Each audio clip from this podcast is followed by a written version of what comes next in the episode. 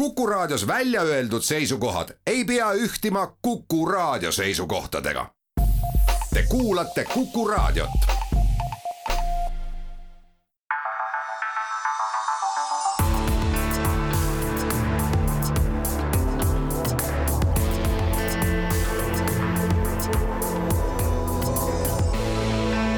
olukorrast ajakirjanduses tere pärastlõunat, õues on esmaspäev, kümnes oktoober. täna on ülemaailmne vaimse tervise päev ja Kuku raadio stuudios on doktor Rein Lang ja doktor Väino Koorberg. Ja me räägime teile ajakirjandusest sellel ajal, kui kogu maailma progressiivne ajakirjandus parajasti arutab nädalavahetuse olulisi sündmusi, näiteks seda, et kas Diana klassi suu oli Katrin Lusti telesaates ikka salatine ja kui oli, siis kas selle kaadri sissejätmine oli ajakirjanduslikult ebaeetiline või mitte ja arutavad ka seda, et kes värskes tantsusaates oli kõige parem tantsija. vaatame meie ikkagi palju laiemale sündmuste skaalale otsa, et, et möödunud saate puhul mitmed raadiokuulajad tegid mulle peaaegu et füüsilisi märkusi selle kohta, et me rääkisime ainult Venemaast, et, et äh, Rein, kuidas praegu hakkab olema mis sulle tundub? ma ei tea, kui klõpsatad telekapuldi peal erinevaid uudistekanaleid, siis äh, ja siis kuulata Eesti meediakanaleid või näiteks vaadata hommikutelevisiooni, siis mulle jääb küll viimasel ajal mulje, et on kaks erinevat reaalsust, kaks erinevat maailma. ja kui nüüd äh, natuke analüüsida seda Eesti ajakirjanduse, eriti just viimase nädala kirjutisi Ukraina sõjast, mis noh, peaks olema nagu kõikidele ratsionaalsetele inimestele uudisväärtusega number üks teema, siis äh, aina rohkem ja rohkem kõmab sealt läbi selline emotsioon. On hästi palju selliseid äh, lugusid, mis, äh, mida tähistab siis see üldine termin human interest, eks ole, niisugune üksikjuhtumid, perekondlik tragöödia, tragöödia lastega, mida iganes, väga hästi kirja pandud, head, heas eesti keeles, varustatuna ka pildimaterjalidega. kõik on, aga see on kõik hästi emotsionaalne. aga kui otsida nagu Eesti ajakirjanduseks selliseid noh, külmi fakte ja faktide peal tehtud külmi, järeldusi. tarku, ratsionaalseid, tasakaalustatud fakte või tasakaalustatud ülevaadet, et kas seda Eesti ajakirjandust saab, sellega olen ma sinuga nõus, et tahtsingi ühtepidi teema üles tuua, sest mul juba pikka aega on see mind ennast natukene ka vaevanud, et, et et ühtepidi väga tugev rollikonflikt on Eesti ajakirjanikel üleüldse olnud, aga sõja sõjatingimustes eriti, see on seesama küsimus, et kas ajakirjanik on ennekõike ajakirjanik või ta siis on kodanik, kes käitub õigesti või ta on veel eriti patrioot, kes käitub oma kodumaa hüvanguks või ta on propagandist, eks ju, et, et, et millise rolli ajakirjanik selles, selles olukorras valib. Ja, ja mul on tunne, et see rollikonflikti nagu selle kas tajumisega ja oma rolli äratundmisega on Eesti ajakirjanikel tegelikult ikkagi on probleeme, sest et, et eh, ma ei, ma ei ütle midagi selle emotsionaalsuse kohta, sest väga sageli, väga sageli emotsionaalsus ongi see, mis aitab seda külma statistikat tuua tavalise lugejani tavalise kuulajani, et, et, et kui me ütleme, et rindel hukkus kümme tuhat sõdurit, eks ju, siis see on kümme tuhat sõdurit, võib-olla nagu mingisugune Vene televaataja ei kergita kulmugi, meil on rahvaid, rahvast veel või nagu see klassikaline oli, või, või, või küll nad veel sünnitavad, eks ju. et aga aga kui sa räägid need üksikud näited, et need aitavad, siis noh, seesama, see lein, see mure, eks ju, et selle kaudu tuuakse aga mis mind häirib, on see, et kui uudisajakirjanik võtab endale, noh, et näiteks mind häirivad pealkirjad, kust enam nagu ei saa aru, millega on tegemist, need pealkirjad on, isegi hea kolleeg Krister Kivi on öelnud, et sotsiaalmeedias, et miks mul peab Delfit avades tekkima tunne, et rindel sündivast pajatab poe taga, taha kogunenud semudele veidi konjakit joonud vana husaar ehk et need pealkirjad on kuidagi absoluutselt nagu uudismaailmast eemal. mind näiteks häirib see, ma, ma loen sotsiaalmeediast, kus on täiesti õigel kohal Igor Taro väga järjekindel, väga põhjalik ülevaade rindel toimuvast. ka Igor Taro teeb seda sotsiaalmeediasse sotsiaalmeediale omasel moel, eks ju, lisades sinna väga isikupäraseid kommentaare. Eh, kui see tekst otse üks-ühele avaldada ajakirjanduses, mõjub see seal veidralt, siis see mõjub propagandatekstina või, või, või see mõjub nagu see, et, et, et siis ma ei, et, et minu meelest see teeb kahju autorile kui eksperdile selles osas, sest et kui seal on nagu labi taga, et loomulikult lendas Krimli eh, lendas see Krimmi sild sinna, kus ta pidigi minema Vene sõjalaeva kõrvale. kui uudisajakirjanik näiteks kasutab selliseid väljendeid, et siis see on, siis see on nagu problemaatiline, et et, et mulle tundub, et seda emotsiooni, seda mõnikord ka põhjendamatut niisugust võidurõõmu või niisugust parastavat tooni isegi on ajakirjandus, Eesti ajakirjandus natuke rohkem, kui seda peaks olema ja minu meelest, et niisugust karskusele ja kainusele tasuks üles kutsuda küll, et, et vastasel korral no tundub, et me kõik oleme ju õhinas ja me oleme ka ajakirjanike õhises, aga kas see õhin ei kahjusta meie usaldusväärsust, on minu küsimus. no proovime natukene nüüd jah, vaadata ka seda külge kuidas ajakirjandus vahendab erinevate ekspertide, teadjameeste seisukohti.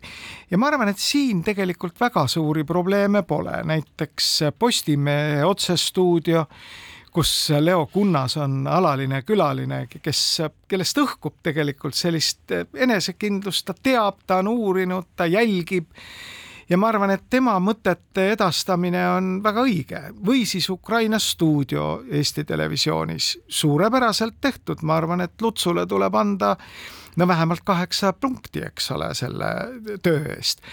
Aga see on kell kaheksateist nelikümmend viis pühapäeviti, selle liigutamine, ajaline liigutamine, noh, ma jään selles suhtes kindlalt oma arvamusele, et ta on viga. aga meil on ju tegelikult toimetustes ka ajakirjanikud, kelle püha ülesanne, eriti uudiseajakirjanikud ja analüütilised ajakirjanikud, kelle ülesanne oleks ka jälgida toimuvat.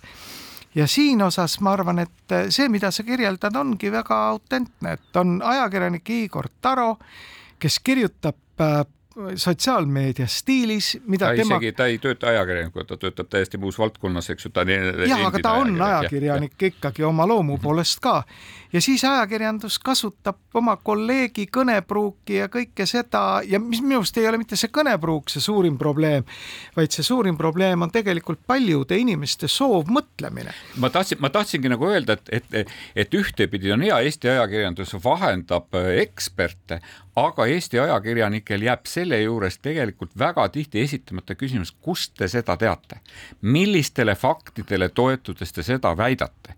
Ja see muudab tegelikult väga paljud ka need ekspertanalüüsid ikkagi paljuski spekulatiivseks. Ja, ja, ja kuna nagu ütleme seda äh, informatsioonilist udu on ümberringi hästi palju ja ka soovmõtlemist on hästi palju, eks ju, et siis, siis ajakirjandus praegu pigem nagu võimendab seda, selle asemel, et aidata selles nagu mingit selgust luua, korda luua. ja, ja läheb sellesse emotsionaalsesse rappa, eks ole minul on üks küsimus, et kus kohas on ERR-i Kiievi korrespondent, alaline Kiievi korrespondent? jah, ohtlik, vaieldamatult.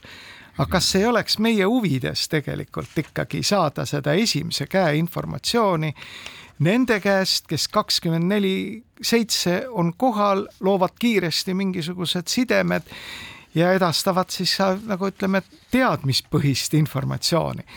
Sest ma ei ole nende spekulatsioonide vastane sugugi, ma arvan, et Karmo Tüüri spekulatsioonid on igati omal kohal, need nagu rikastavad seda pilti no, toimuvast. Ma, ma tahtsin nagu öelda, need spekulatsioonid eh, muutuvad lugejate silmis või kuulajate silmis usaldusväärseks, kui ajakirjanik eh, seda lihtsalt nagu toru ei vahenda, vaid esitab ka täiendavaid ja ka kriitilisi küsimusi. ja sellega sada protsenti nõus, aga kus on need ajakirjanikud, kes on võrdväärsed vastased, näiteks Harri Tiidole või Raivo Varele või või äh, Kaimo Kuusele, mida iganes, eks ole, tegelikult nagu ajakirjandus astub siin huvitaval kombel nagu sammu tagasi, muutudeski selliseks äh, noh, nagu nupule vajutajaks. et ei, endal pole vaja teada, sest ma iga kell võin kutsuda kellegi, kes siis teab. noh, siinkohal meenutame klassikut Urmas Otti, kes alati alustas oma saadet ju sõnadega, et mina ei tea sellest asjast mitte midagi, aga ma võtan julguse kokku teid intervjueerida. mina ei tea midagi reklaamimüügist, aga me peame siinkohal tegema väikese pausi.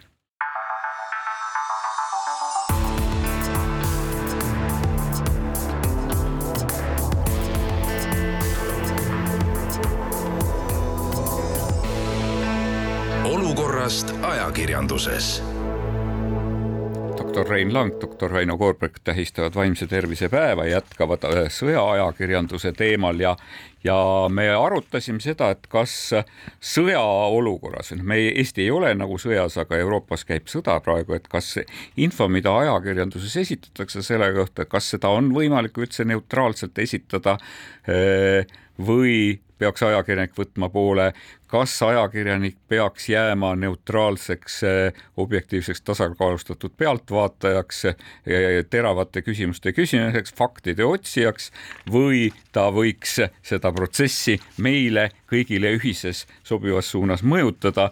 Eh, ja jäime selle juures vaidlema, sellepärast et tegelikult äh, kui lööme lahti meie veebiväljaanded, siis me leiame väga tihti sealt neid pealkirju, et võimalusel kägistaksin Putini surnuks, eks ju.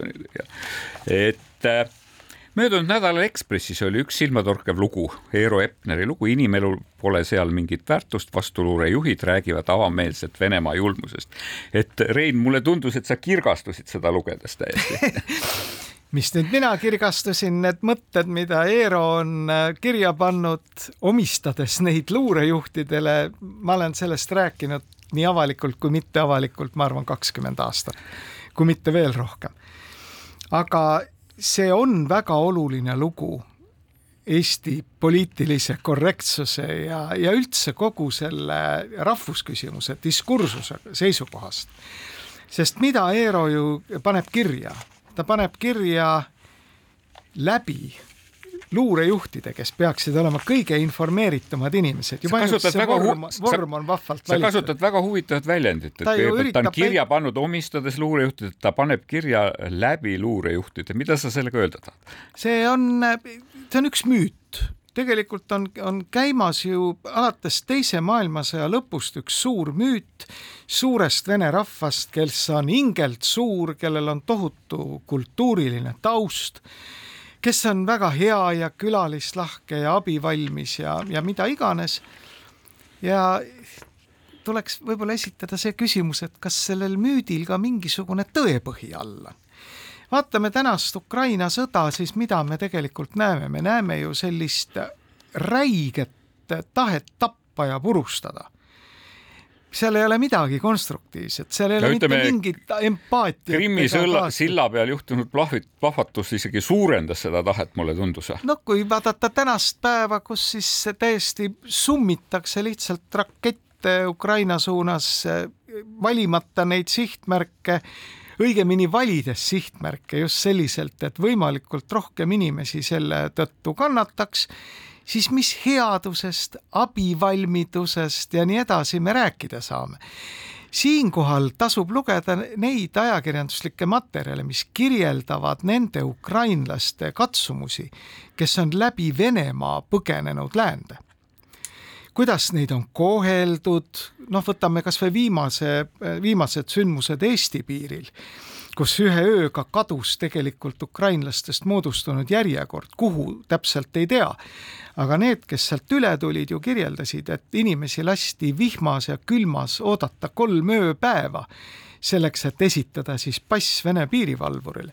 kõik need mõnitused, siis need need piinamiskambrid, eks ole, okupeeritud äh, Ukraina territooriumil äh, hauad, mida nüüd Ukraina kriminalistid lahti kaevavad. kus kohas on see venelaste empaatia, äh, sõbralikkus, abivalmidus, hingesuurus ja see kultuur? ja siis mulle alati meenus ka see, et teisel maailmasõjal kirjutas väga hea vene kirjanik Ilja Ehrenburg kas see oli Pravdas või Izvestjas juhtkirja, mille pealkiri oli Tapa, tapa, tapa, mis kutsus räiges toonis lihtsalt üles kõiki sakslasi maha tapma. nüüd, kus see kultuur on? lugege Dostojevskit, üritage sellesse süveneda, kus on see empaatiavõime, kus on see inimlikkus? no Rein, ma nüüd äh, tahaks äh, sulle koledasti vastu vaielda just selles mõttes, et mulle tundub, kas me ei lähe lihtsustamise teed, ma mäletan, et täpselt samamoodi no ma toon võib-olla pisut e-, ebakohase näite, aga aga ma mäletan, et kunagi oli meil säärane natsikütt nagu äh, Efraim Zurov, mäletad, Zurov. Kes oli võtnud oma suureks südameülesandeks tõstada seda, et kõik eestlased olid eh, natsid, kes hävitasid juute. Ja ta püüdis selleks eh, kasutada kõiki võimalusi kuni selleni, et ta püüdis Eesti ajalehti Eesti ajalehtedes avaldada suuri reklaamplakateid selle kohta sellise sõnumiga, et, et kas me ei lähe nagu liigse lihtsustamise teed, sest tegelikult äh, olen ma lugenud ka terveid südantlõhestavaid lugusid vene, mitte üksnes üksikutest venelastest, vaid tervest venelaste põrandaalustest organisatsioonidest, kes neid samu Ukraina põgenikke Venemaal toimetavad ühest kohast teise, et need siis lõpuks üle Eesti piiri sokutada. aga see selleks, aga tulles tagasi selle. vot Väino, siin on nagu minu meelest üks väga oluline koht, ega loomulikult ei, ei maksa nüüd äh, kõike seda jama, eks ole laiendada igale vene rahvusest inimesele, see oleks nagu liig. et aga, aga mulle, mulle natukene praegu tundub aga..., et ühtepidi me oleme ju rääkinud seda, et, et tõepoolest on ideoloogiliselt vale või, või mingis mõttes ka metodoloogiliselt vale rääkida eh, Putini sõjast, kui tegu on Venemaa sõjaga Ukraina aga vastu. ja siia ja, see koer ongi minu meelest maetud. et, et me, et me nagu tõepoolest see sõnum peaks jõudma kohale, et venelased ei saa ennast distantseerida sellest sõjast, selle sõja tulemustest, koledustest ja kõigest nendest jõhkrustest ja purustust. Nad ei saa öelda, et see kõik toimus, et ja teisipidi kiidelda et, et üheksakümmend protsenti või ma ei tea, milliseid suurepäraseid numbreid Venemaa niinimetatud avaliku arvamuse uuring võib tuua, toetavad praegusel hetkel Putini tegevust. kui see üheksakümmend, kui nad on nõus sellega, et suur osa inimesi toetab Putini tegevust, järelikult nad on ka vastutavad selle eest, eks ju. kui nad on olnud eh, sobivalt passiivsed, ka poliitiliselt passiivsed, nagu, nagu nad on, siis nad ka vastutavad sellest. aga jälle, et kas see lugu, Eero Epneri lugu, kas ta ei olnud ka natukene liiga lihtsustav?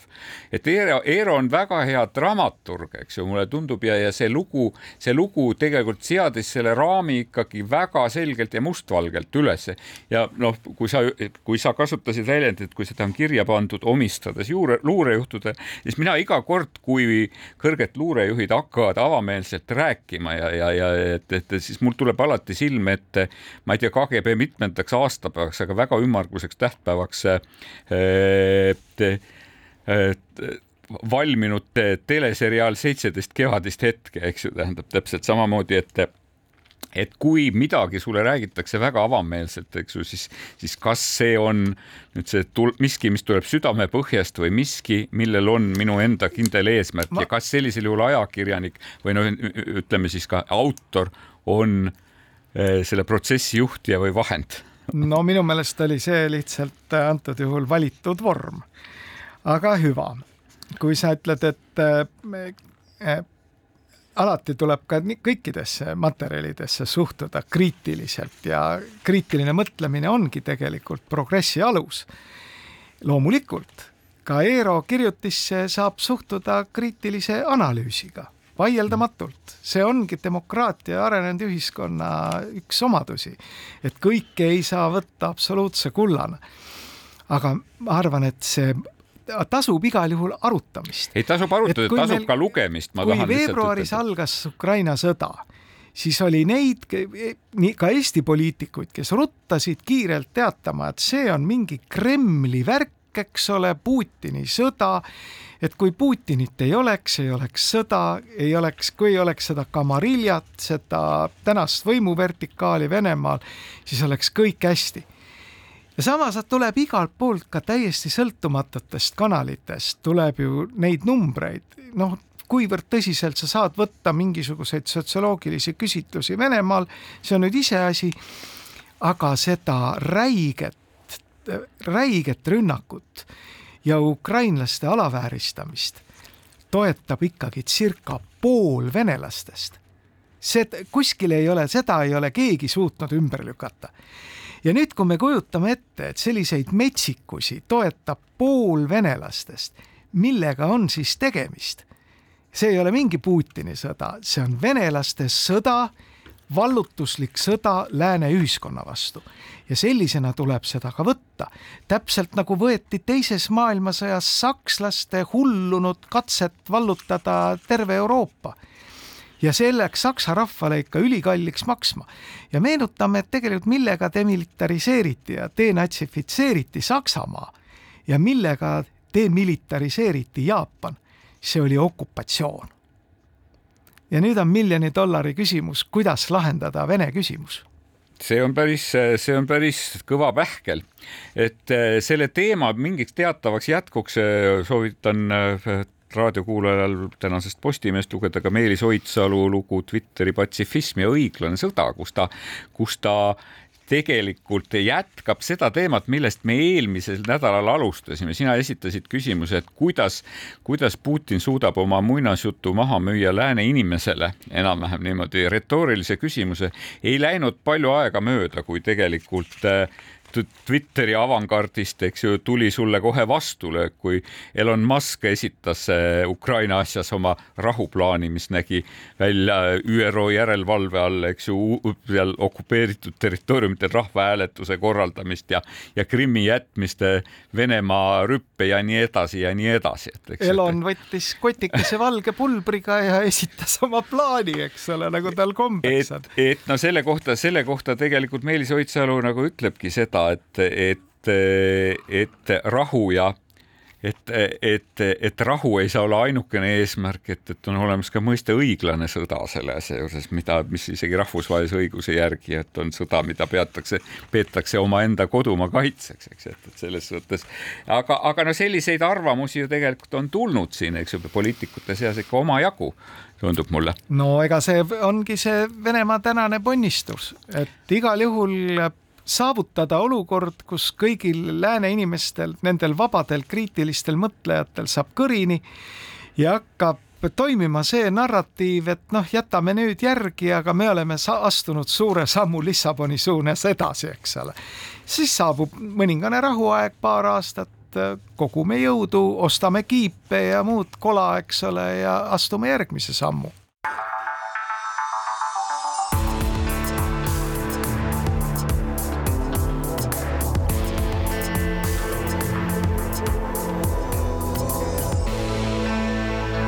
olukorrast ajakirjanduses.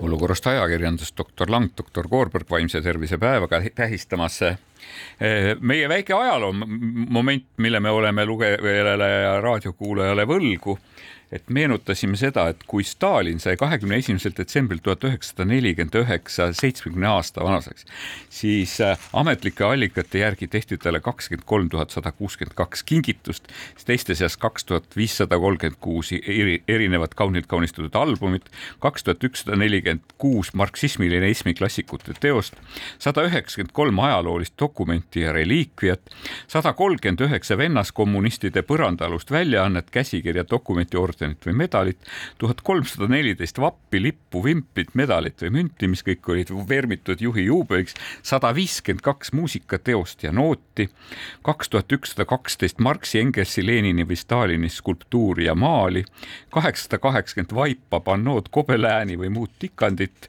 tuhat üheksasada üheksakümmend kaks kunstiteost väärismetallist sulgudes vaas karikas laegas, kakskümmend kuus arheoloogilist leidu ning sada neliteist eset, mis läksid kategooriasse tööpingid, mootorid, masinad, vedur, lennuk, traktor, auto, mootorrattad ja jalgrattad. Kui me nüüd vaatame, et mida sai Putin oma seitsmekümne aasta juubeliks, siis ta sai traktori, traktori ostuloa, mille kinkis talle Valgevene president ja siis ta sai veel suure hunniku arbuuse meloneid Tadžikistani presidendilt ja mõned, mõned postkaardid, et arenguruumi on. ja lisaks, lisaks sellele käis sillal jumakas. kõige suurema kingituse sai ta tõesti siis Krimmis, kus äh, sild äh, otsustas, et tema konstruktsioonid peavad plaaniliselt ümber paiknema soods, soodsamatele positsioonidele. et äh, mida me sellest kõik õpime? kas sina tead, kes lasi silla õhku? ei tea, ei tea ja ma ei tea seda, kes tegi katki Bornholmi elektrikaabli, mille tõttu Bornholmi saar oli täna öösel praktiliselt täies ulatuses ilma elektrita mõnda aega. praeguseks võiks olla see viga nüüd kõrvaldatud.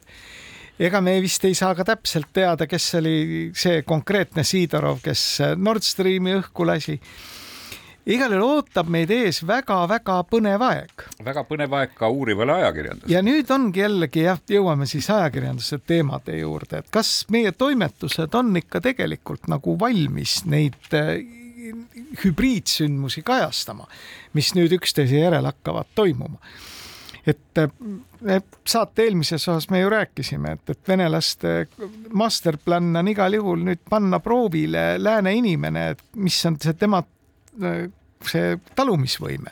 mina vaatasin eile suure huviga Donald Trumpi esinemist oma valijate ees erinevalt tavalisest Donald Trumpist, kellel oli puna, kellel on ikka punane lips ja kes räuskab niisama, eks ole, kuulutades kõik feigiks ja siis seekord Donald arutles ja arutles suhteliselt sellise mingisuguse isegi aktsepteeritava loogilise käiguga. Ütles, et kui tema oleks president, siis tema teeks ponnistused rahu saavutamiseks, sest et kõik eesolevad sündmused on ettearvamatud, et äh, Ameerika ühiskond ei tea veel täpselt seda, et Venemaal on väga mitu kihistust kõik need kihistused on ebaselged, mida nad tegema hakkavad ja maailm võib sattuda Armagedooni ehk siis tuumasõja küüsi. see jutt on minu arvates poolenisti Kremlis kirjutatud, aga see oli huvitav vaadata just selle pilguga, et kas see upub ameeriklaste pähe või ei upu et ei maksa unustada, et novembri esimeses pooles on Ameerikas täiendvalimised, kus valitakse märkimisväärne osa esindajate kojast ja märkimisväärne osa senatist. Ja nüüd on see küsimus, et kas demokraadid suudavad säilitada oma positsioonid? Või kui nad ei suuda, siis milline saab olema nende kaotus?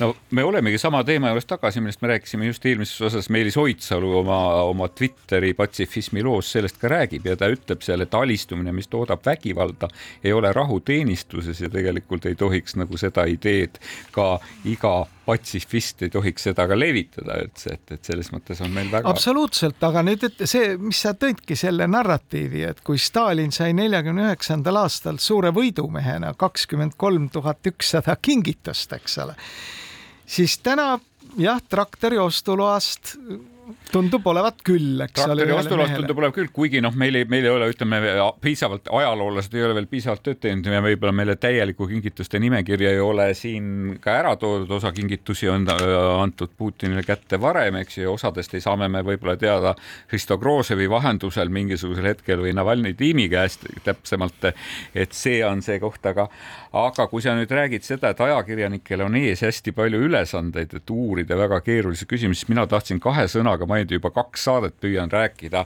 natuke ajakirjanike vaigistamise teemast, sellepärast et Akadeemiline Ajakirjandusselts siin kaks nädalat tagasi seda teemat ka käsitles.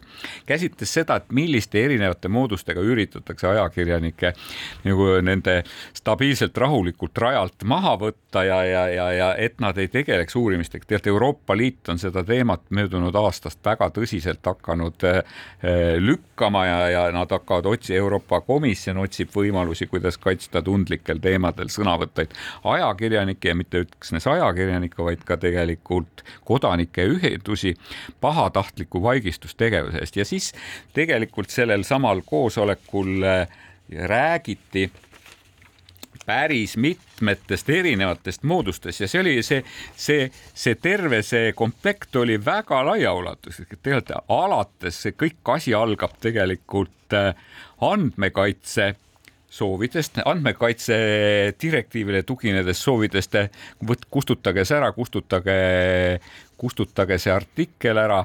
see tähendab, et toimetusi ujutatakse Eh, selliste palvetega, millele on vaja juriidilist vastust, mille peale kulub aega, raha ja jõudu, eks ju, tähendab. Eh, ajakirjanikke lihtsalt ähvardatakse, hoiatatakse hagidega, kiusatakse sotsiaalmeedias. hästi palju on toimetused hädas perspektiivitute kaebustega tegelikult, mis tegelikult väsitavad toimetust ja väljaannet, näiteks seal toodi näide sellest, kuidas, kuidas Juri Ustimenko vist hetkel Tartu vanglas olev vang esit-, on Postimehe vastu esitanud hagi selle eest, et Postimees on teda nimetanud sarimõrtsukaks. et ta kõigest tappis viis inimest vist e-, erineval moel, aga ta ei olnud väidetavalt sarimõrtsuk.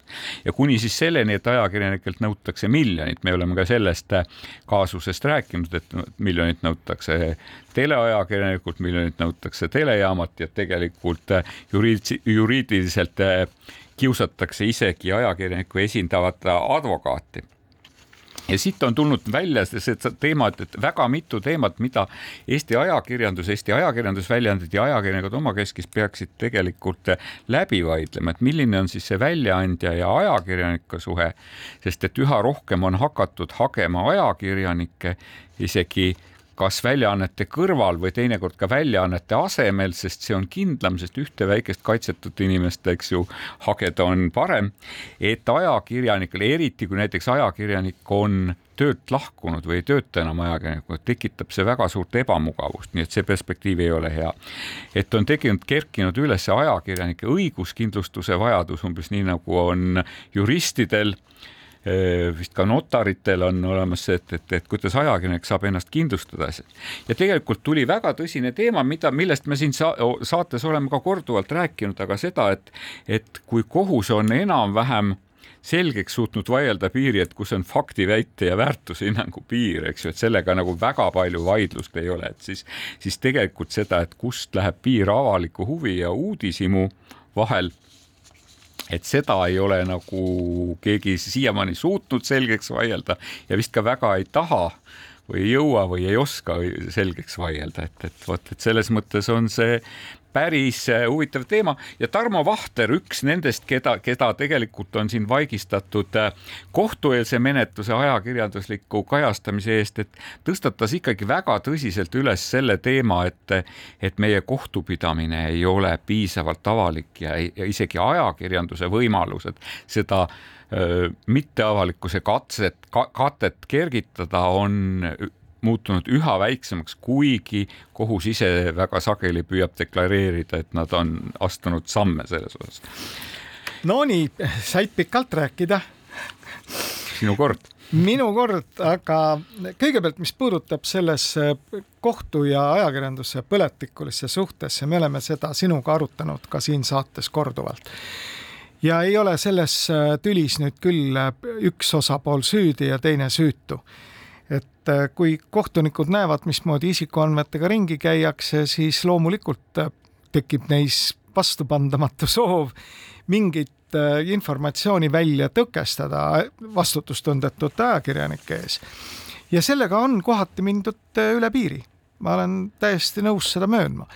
mis minu jaoks oli täiesti arusaamatu, oli kohtu otsus mitte lubada ajakirjanikke selle protsessi juurde, mis toimub Ida-Virumaa sellise munitsipaaloligarhi Nikolai Ossipenko juhtum, jah et, see no, oli möödunud nüüd, nädalal täiesti selgelt. see võiks olla see argument, et mitte lubada ajakirjanikke nende kohtutoimingute juurde, mis puudutavad tema eh, noh, kas ta siis peab veetma teatava osa eeluurimisvanglas oma järele jäänud elust või saab ta kehva tervise tõttu sealt välja aga seal meelest..., aga seal ka kohtunike, kohtunik ju ühes versioonis apelleeris, et, et nad ei teadnud, et sellel kohtuistungi käigus võivad jutuks tulla kellegi terviseandmed, et minu meelest sellele terviseandmetele viitamine on väga mugav moodus, eks ju.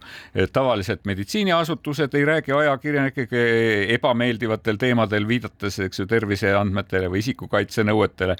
nüüd on ka kohus, eks ju, võtnud, et, et anonüümne kodanik X, eks ju, võetakse vahi alla või ei võeta vahi alla, eks ju, tähendab ja seda me just nagu avalik avalikul kohtuistungil, kuhu kedagi kõrvalist juurde ei lubata, eks ju, tähendab, arutame, mis on minu meelest täielik nonsenss ju.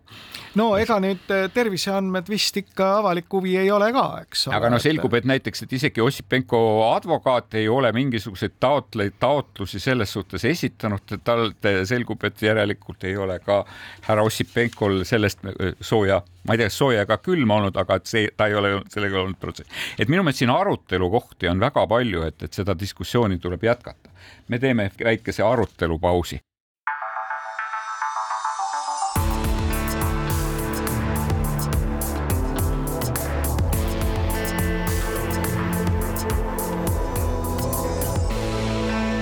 olukorrast ajakirjanduses Rein Lang, Väino Koorberg viimases veerandis. Me rääkisime ajakirjanike vaigistamisest, me rääkisime kohtupidamise avalikkusest, selgub, et Rein tahab rääkida tegelikult sellest, et kas ajakirjanikud on liiga araverega või mitte.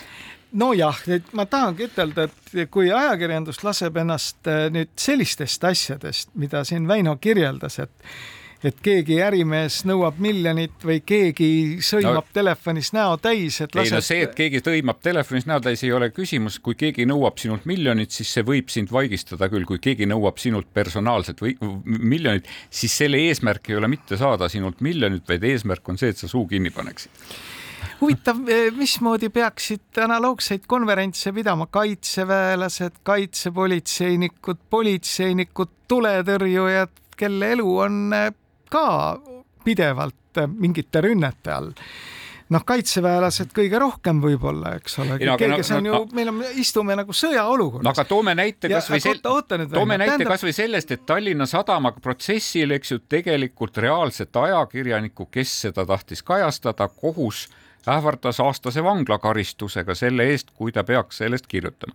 riigikohus tõepoolest mõni aeg hiljem leidis, et kohtu seatud piirang oli liiga, liiga karm, eks ju. järelikult õigussüsteem toimis. aga nagu... vabandust, eks ju, tähendab, avalikkus oli sellest protsessist, eks ju, tükk aega jõuga kõrvale hoitud. no ärme nüüd ikka läheks. ajakirjandus oli vaigistatud ja, ja tegelikult ajakirjanik ise sellel samal kool, sellel koosolekul ajakirjanik ise. sündmusi sellepärast, et meil on, näete, kohus ei võimaldanud meil terviseandmeid ära trükkida, et jätame nüüd ikka, tuleme maa peale tagasi. et see niisugune hala et me ei saa oma tööd korralikult teha, sest takistavad sügis, talv, kevad, suvi ja rahvusvaheline imperialism ja loomulikult Eesti kohtusüsteem ja andmekaitseseadus. seda ei maksa väga tõsiselt võtta ajakirjandus Eestis on vaba, saab oma tööd teha vabalt ja ma loodan, et ka igasugused kõrvalekalded sellest, nagu näiteks prokuratuuri idiootlik aktsioon, eks ole, minna kohtult taotlema ajakirjanike karistamist mingite andmete avalikustamist, lõpeb Riigikohtus prokuratuurile fiaskoga, eks ole. aga mina nagu näen seda ohtu, et kui me nagu hakkame avalikult arutama, et oi-oi-oi, nüüd on küll ajakirjanikud on ikka raske löögi all siin, et kujutage ette, üks suli nõuab seal äh, mingit äh, hüvitist äh, miljon eurot siis kas see ajakirjandus on suuteline vastu seisma nüüd näiteks sõjaolukorras sellistele asjadele, et tuleb mingi FSB agent ja hakkab tõkestama mingisuguste andmete avaldamist või mingite näiteks FSB operatsioonide paljastamist. No esiteks, kas räägime, füüsilise arvete õiendamise ähvardusega. et sellisel juhul see on riigi kohustus. või, või aga... teine võimalus on see, et, et tullakse kohale ja antakse kellelegi ajakirjanikest soliidne teatava paksusega ümbrik ja ütled, kuule, ole nüüd täitsa, eks ole. et siin on sulle kaust ja siin on sulle ümbrik ja tee seda, mis vaja. Rein, aga, aga kas see, et kas see ei ole üks ja seesama, ühel juhul, eks ju, antakse ajakirjanikule ümbrik, eks ju, tee mida sedasama, teisel juhul öeldakse, et ajakirjanik, sa pead maksma, kui sa teed sedasama. minu meelest need on väga sarnased asjad. mõlemad, mõlemad on ründed, mõlemad on ründed ajakirjandusvabaduse vastu ja mõlemad on ja lihtsalt, et ma, ma arvan, et meil ei ole probleemi tegelikult Äh, selle suurte meediamajadega meil üldse ei ole probleemi, aga meil tekib probleeme, väga palju probleeme tekib selle informatsiooni juurdepääsu ja seetõttu vaigistamisega. Ja meil võib tekkida väga palju probleeme, mis puudutab vabakutselisi ajakirjanikke, keda ei kaitse üldjuhul meediamaja, eks ju, meil, äh, meil tekib probleeme ajakirjanikud, kes on ühest meediamajast teise läinud, siis praegu vaikimisi on ikkagi ka uus leivaisa on võtnud, eks ju, või ka vana leivaisa kokkuvõttes, kokkuleppes on on võtnud need ajakirjanikud oma kaitse alla, aga, aga, aga meil on vaja mingit selgemat kokkulepet. Eestis on täiesti arenenud kindlustusturg ka niisuguste riskide vastu, milleks on kõikvõimalikud õiguslikud protsessid, hagemine ja sellest tulenevad kulud kostjale on, selle vastu on võimalik ennast kindlustada nii siis... meediamajadel on võimalik seda kindlustust võtta oma ajakirjanike kui ka vabakutselistel ajakirjanikel, kes on vabalt valinud omale vabakutselise staatuse, mis tähendab võimalust rohkem teenida, aga ka teatud juhtudel vajadust ise katta oma kulud. aga mis tähendab? minge nendesse ja. kindlustusseltsidesse ja kindlustage ennast selle vastu. Me... ega midagi pole parata, selline on elu. elu on selline, aga väga sageli, kas sa kujutad ette, et kui meil on tegu väikese väljaandega, mis balansseerib balansseerib tegelikult niimoodi kasumlikkuse, kahjumlikkuse piiril niimoodi, et kui sellele välja, kui selle väljavandel terendab ees kasvõi tavaline tsiviilvaidlus Eesti kohtu kolmes astmes, eks ju, mis maksab tegelikult väga-väga palju, eks ju, et kui valmis on tegelikult väikesed meediamajad minema sinna kohtuvaidlusesse ja kui lihtsam on neil öelda ajakirjanikul pea suu kinni, eks ju, tähendab, et, et me teame, et see tegelane on korruptant, eks ju, tähendab, aga ära torgi, eks ju, ta läheb meile kalliks maksma ja see ongi see vaigistamine, eks ju, mille, mis ei ole ainult selle väikese meediamaja küsimus, mis ei ole ainult ajakirjanduse küsimus, vaid on ka ühiskonna küsimus. oota, aga ma see küsimus, mis siis nagu praegu, nagu tegema peaks, eks ole? et Euroopa Liit ka arutabki seda, et, et väga et, et ühtepidi ajakirjanikud vajavad teatavat tugivõrgustikku, ajakirjanikud vajavad tuge ka ühiskonna poolt, vajavad teatavas mõttes isegi filtrit kohtusüsteemi poolt, mulle tundub.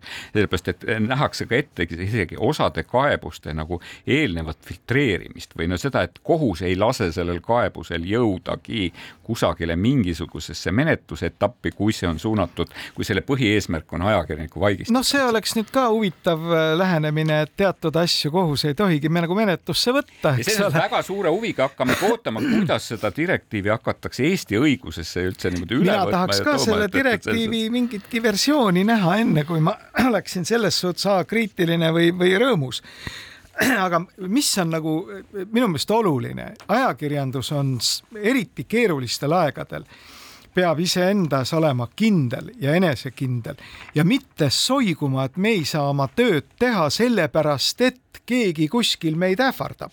sest selle loogika järgi võiksid politseinikud kõik ameti maha panna, kaitseväelastest rääkimata.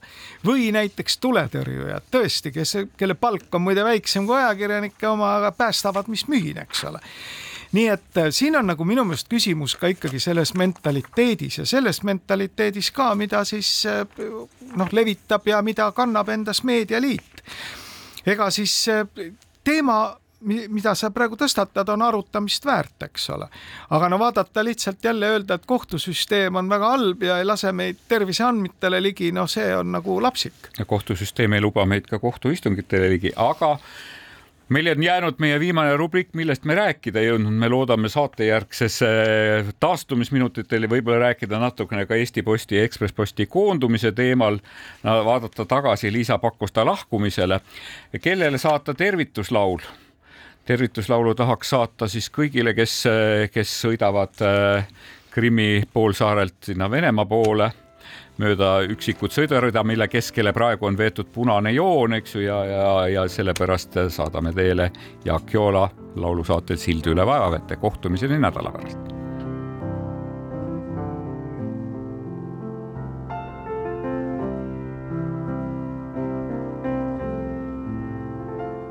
kui su palgelt kadunud näed.